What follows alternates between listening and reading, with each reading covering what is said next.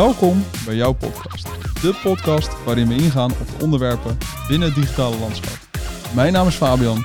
Mijn naam is John. En ik ben Jordi.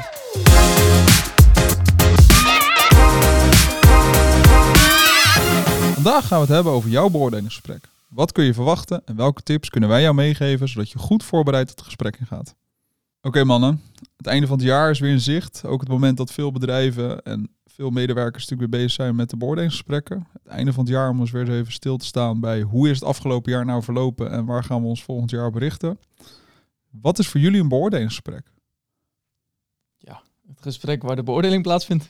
Ja, maar het is meer dan dat toch? Het is ook wel even. Het is een moment om even bij elkaar te komen en stil te staan, vind ik. Ja, het is stilstaan bij wat je natuurlijk, eh, wat je voor doel hebt gesteld voor dit jaar. Of je je doelen behaald hebt, of de punten zijn waar je tegenaan bent gelopen.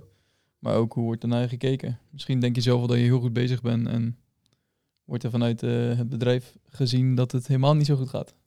Nou, ik vind het ook wel interessant, want jij begint gelijk eigenlijk over doelen. Maar ik denk dat ook veel mensen niet eens bezig zijn met doelen. Die doen gewoon hun werk. En op basis van hun werk willen ze beoordeeld worden. Of je gegroeid bent, ja of nee. Je hebt het gewoon over de vloes. Oh, nou ja, ook gewoon over wel je functioneren. Ja. Vloes is, eh, geld is onderdeel van, eens. Maar dat is, eh, zoals mijn collega dat heel vaak noemt, een hygiënefactor. Eh, Nee, maar snap je? Jij, eh, jij hebt hem heel erg op je persoonlijke ontwikkeling. Dus op je groei voor jezelf als persoon. Maar ik denk dat ook heel veel mensen het gewoon zien als... hé, hey, ik heb mijn werk net even een beetje beter gedaan. Ik heb wat meer kwaliteit geleverd. Eh, ik ben misschien van junior naar medior gegroeid. Maar helemaal niet bewust bezig zijn met doelen. Waar wil ik het einde van het jaar staan? ja, ik zie denk ik die doelen wel een beetje gecombineerd. Maar dat is misschien mijn visie erop. Ja, dat, Ik ik, denk, ben dat wel die, ik denk dat die doelen wel gepaard gaan met of je je werk goed of niet goed doet. eens. Dat ben ik wel. Ik denk dat het wel een verlengstuk is. Want vaak zijn je doelen hebben wel te maken met zwaktes, kansen. eh, misschien een stukje bedreigingen. Van hey, waardoor stap je elke keer weer in die valkuil. Waardoor het net wel, net wel lukt of eigenlijk net niet. Soms ook nog wel eens een kantelpunt. Maar hoe zie jij dat, Jordi? Ik ben wel even benieuwd. eh, Ja, ik zie ze meestal eh, als verlengstuk van elkaar. Dus die doelen, die, ja, die stel, stel je jezelf ook van ja, daar wil ik naartoe groeien. En dan met die beoordelingsgesprekken zie ik meer als een soort meetpunt en mijlpalen puntje. Van hé, hey, waar sta ik nu? Wat kan ik doen? Waar zitten de verbeterpunten? En eh, zeker waar, eh, waar kan ik nog op focussen om dat te verbeteren? En die doelen zijn er gewoon onderdeel van. Dus dat, de doelen die ik dan stel is echt op basis van oké, daar liggen de valkuilen. Oké, dan is dat een doel om aan te werken om dat beter te doen voor bijvoorbeeld volgend jaar. Dus dan zit je ook alweer ja, wel een stukje richting persoonlijke ontwikkeling. Maar uiteindelijk vind ik dat wel belangrijk om daar juist op te accelereren. En dan juist de dingen die goed gaan ook bijhouden van oké, dan moet ik dat dus blijven doen. En niet dat je denkt van oh, dat gaat goed, ik ga door met wat anders. Dat is denk ik ook wel een belangrijk en ook zeker een valkuil denk ik voor sommigen van ja, oh dat gaat goed, oké, dan hoef ik daar niet meer op te focussen. Maar juist moet je daarop blijven focussen. Dus dat, ja, er zit heel veel aan vast, maar ik trek meestal wel los. Alleen het wel een verlengstuk. Klinkt niet logisch, denk ik, maar misschien ook wel. misschien wel waar ik even benieuwd naar ben. Want eigenlijk hebben we het nu heel erg over doelen. Dus je groei. Maar ben je het hele jaar door eigenlijk bezig met je beoordelingsgesprek? Of bereid je je beoordelingsgesprek pas op het laatste moment voor dat je even terugdenkt. Oh ja, het is weer november, december. Hoe was het ook alweer de afgelopen elf maanden? Hoe, eh, hoe doen jullie dat? Nou, ik hou voor mezelf altijd wel een beetje bij van oké, wat. eh, ik heb ook bijvoorbeeld. Nou, een van mijn doelen was, ik wil meerdere reflectiemomenten dit jaar hebben met eh, ja, mensen die met wie ik veel samenwerk. Ehm, zodat ik in ieder geval weet, oké, waar sta ik nu? Dat vind ik in ieder geval heel belangrijk om daarin te groeien. Ik kan me heel erg voorstellen dat sommigen pas weer denken, einde van het jaar, oh ja, mijn gesprek. Eh, laat ik me even voorbereiden, want ik moet wel een goed verhaal hebben, anders krijg ik geen salaris bij. Heel zwart-wit. Ik Ja. kan me echt wel voorstellen dat mensen zo, ik was vroeger ook zo hoor, laat ik dat ook even voorop stellen. Ik ben nog steeds een heel klein beetje zo.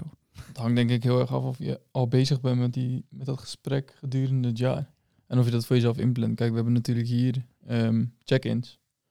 En die zijn voor sommige mensen echt een stok achter de deur. Dat ze weten, er komt weer een check-in aan. Dat is dan een moment waarin we alvast kijken naar de doelen en naar de voortgang. Ehm, om zeg maar niet één keer per jaar met elkaar te zitten, maar gewoon twee, drie, vier keer per jaar. Ehm, dit is dan het, het grootste gesprek eigenlijk, omdat er terug wordt gekeken op een heel jaar. En bij het andere ga je in stukjes kijken. Maar ik denk dat het bij zulke momenten juist heel belangrijk is om al een soort van voortgang in je eigen doelen te zien. Dus eigenlijk wil je zeggen, als je een goede beoordelingsgesprek voor jezelf wil, dan moet je eigenlijk in januari, februari eigenlijk al stilstaan. Hé, hey, waar ga ik me dit jaar op focussen? En daar ook tussentijds bewust bij stilstaan, wat jij ook zegt. De check-ins met je andere collega's om te kijken, hey, maak ik nou die stappen die ik wil maken, zodat eigenlijk het beoordelingsgesprek geen verrassing meer is? Ja, en een soort logboek voor jezelf, denk ik. Als jij weet waardoor het wel goed is gegaan of niet dus goed is gegaan.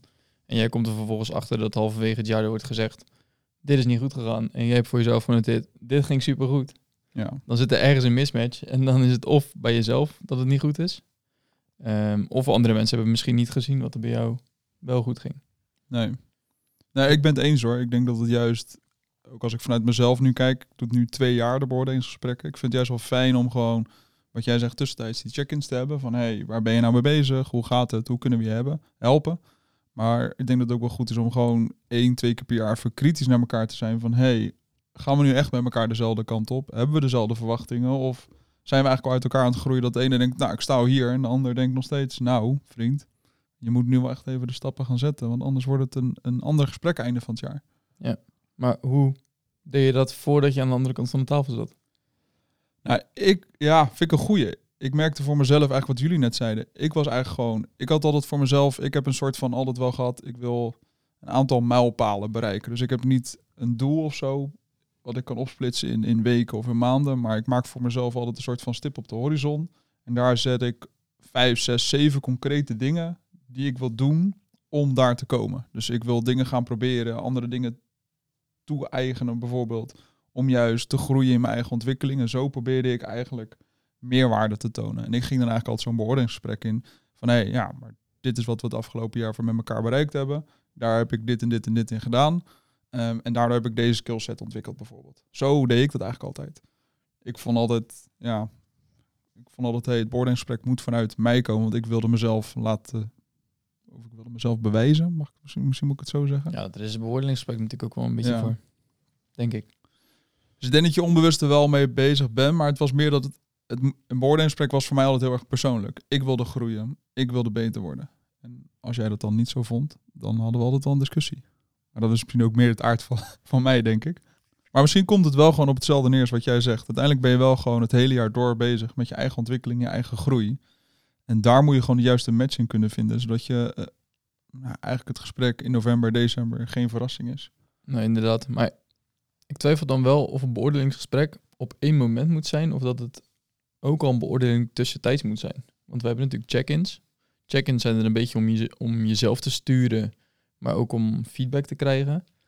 Zou een beoordelingsgesprek dan niet twee keer per jaar moeten? Of misschien wel vier keer per jaar? Ja, ik denk wat je zegt. Ik denk dat echt beoordelen eigenlijk misschien eigenlijk wel twee keer per jaar zou moeten. Wij proberen dat ook. Dat je eigenlijk in de zomerperiode nog even één keer aangescherpt wordt van hé, hey, ja, wij zien nog steeds dezelfde sterktes, zwaktes als die we in het begin van het jaar eh, geformuleerd hebben met elkaar. Dus ja, je staat eigenlijk nog steeds stil. Je hebt het verschil niet eh, gemaakt tot nu toe. En ik dat je juist tussendoor die check-ins moet hebben om bewustwording te creëren van hé, hey, dat je eigenlijk meer op basis van tips, feedback, een beetje een coachende rol, misschien moet ik het zo zeggen, eh, jou bijvoorbeeld op weg kan helpen. In plaats van dat je dat in zo'n beoordelingsgesprek doet van hé, hey, dit is niet goed gegaan. Maar juist ervoor heel erg van hé, hey, misschien moet je eens dit proberen of ik heb je nu drie keer dit zien doen. Ik denk dat het niet meer werkt. Probeer het nou eens even op een andere manier. Zoom eens even uit. Ga er eens mee aan de slag. En dan kan je veel meer vanuit een coachende rol. En dan kan je eigenlijk einde van het jaar als een, als een manager, laat ik misschien even zo, juist het gesprek aangaan en even wat kritischer zijn. Want anders hou je misschien ook de motivatie eruit, denk ik. Ja, dat denk ik ook wel. En als ik alvast een kleine tip mag geven aan de luisteraar, vraag ook eens feedback aan andere mensen in plaats van je manager of je leidinggevende. Want daar haal je heel veel relevante informatie uit. Ik heb dat bijvoorbeeld met Jordi ook gedaan.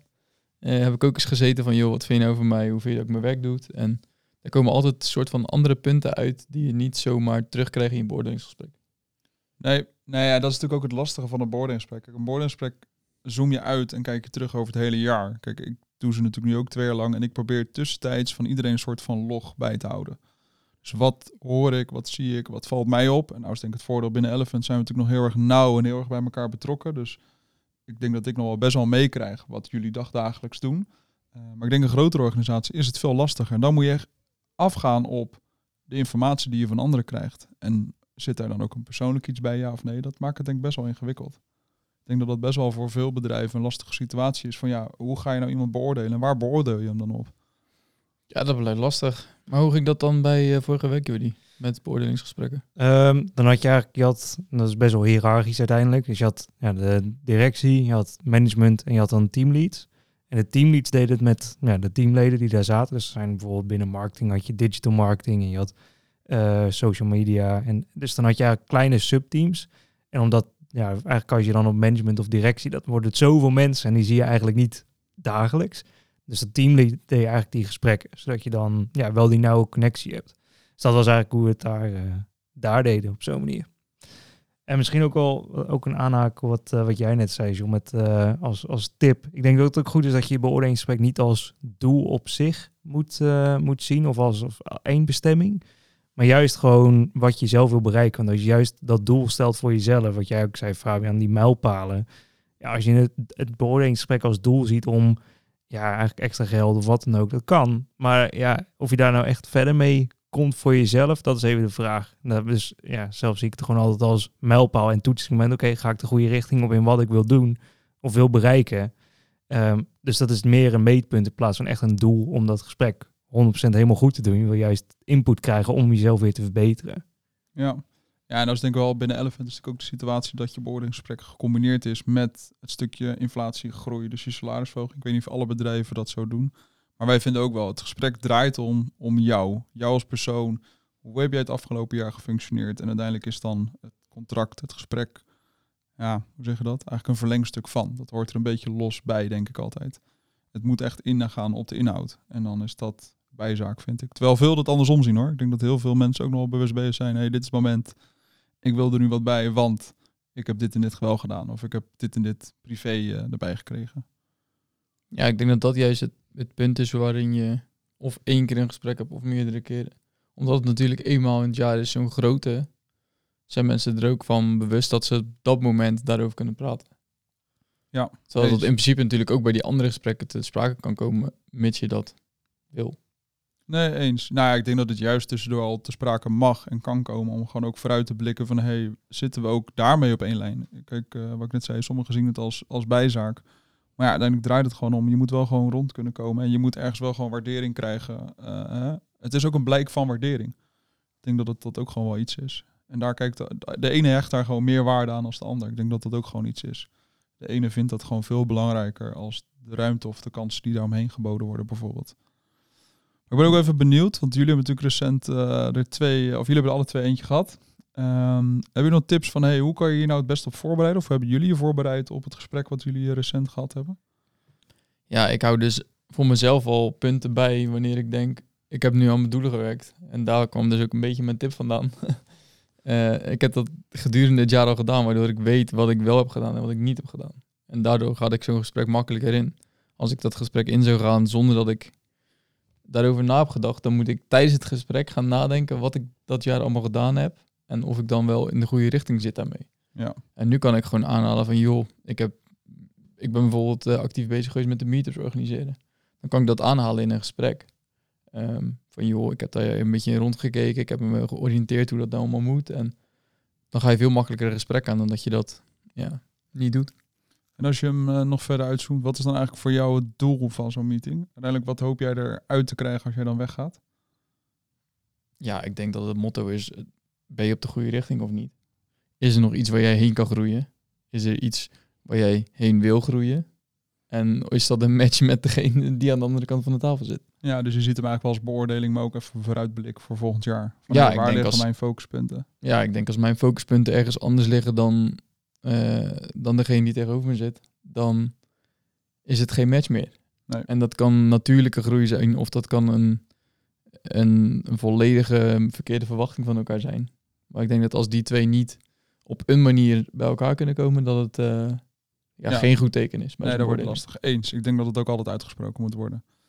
Jordi, heb jij een andere visie hierop? Nee, eigenlijk hetzelfde. Dus gewoon kijken van ja, wat ging nou goed dat jaar. En ja, wat John ook doet, ik hou het gewoon bij. Ook als feedback komt of hey, kunnen we dit volgende keer zo oppakken of uh, dit kan je misschien verbeteren. Dan hou ik het al bij om gewoon even scherp erop te zijn. En probeer ik dan ook ja, twee, drie keer per maand gewoon even weer erbij te pakken, aanvullen, even weer kijken, oké, wat ging goed, wat ging slecht en is het nog in lijn? En ook met ja, het stukje toekomst, wat is de stip op de horizon? En waar sta je nu en wat heb je nodig om die volgende stappen te zetten? En als je dan in zo'n gesprek inderdaad, oké, ja, dat, dan zit je gewoon, of je weet of je nog op die lijn zit of niet. En dan, eh, ja, dan heb je denk ik wel goed voorbereid. Zeker als je ook aangeeft van ja, dit zou ik bijvoorbeeld volgend jaar willen doen als doel of daar naartoe.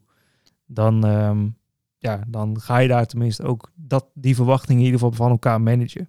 Ja. Ja, ik denk dat het ook goed is. En ook andersom. Ik merk echt wel dat ik vond het het eerste jaar heel moeilijk om mensen te beoordelen. Waar ga je iemand op beoordelen? Hoe eerlijk moet je zijn? En wat ik juist nu dit jaar heb geleerd is en door eigenlijk bij te houden. Dus niet met modder gaan gooien van, nou ja, maar je hebt dit niet gedaan. Maar je ziet op een gegeven moment wel een soort van patroon. Daar kan je er ook... Wij zetten dat dan eigenlijk om naar een SWOT. Dus wij houden heel erg dan bij van, hé, hey, waar zien wij de lijnen?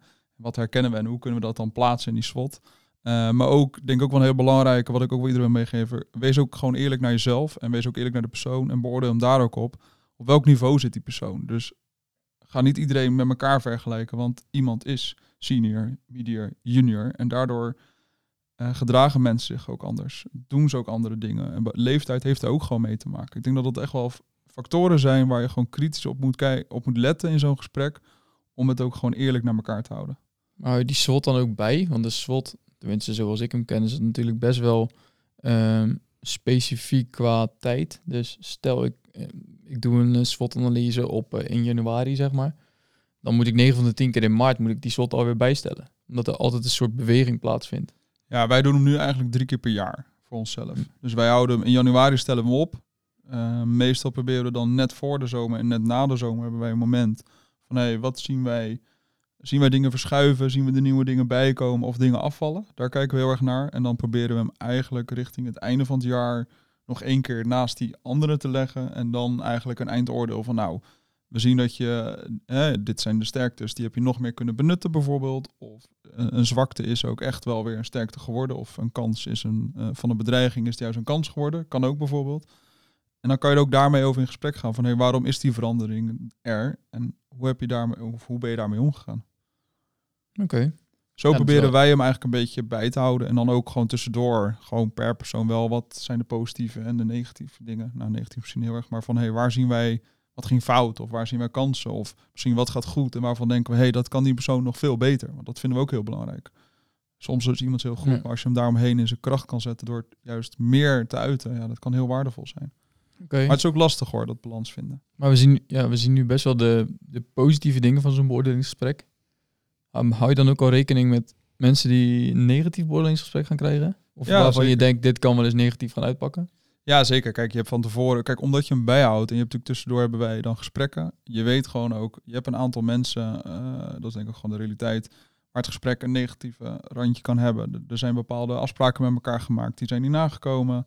Um, ik denk dat dat gewoon ook onderdeel is. Maar ik denk dat je juist, tenminste dat heb ik wel geleerd, door eerlijk te blijven en het gewoon ook uitspreken, tussentijds en in zo'n beoordeling, dan kom je er ook wel uit. En natuurlijk mag je dan ook een keer botsen. Want het gaat soms om een persoonlijk iets. Of, het is niet een persoonlijk iets, maar ja, voor sommige mensen heeft het toch ook wel betrekking op een privé situatie of een stukje aanzien naar buiten toe.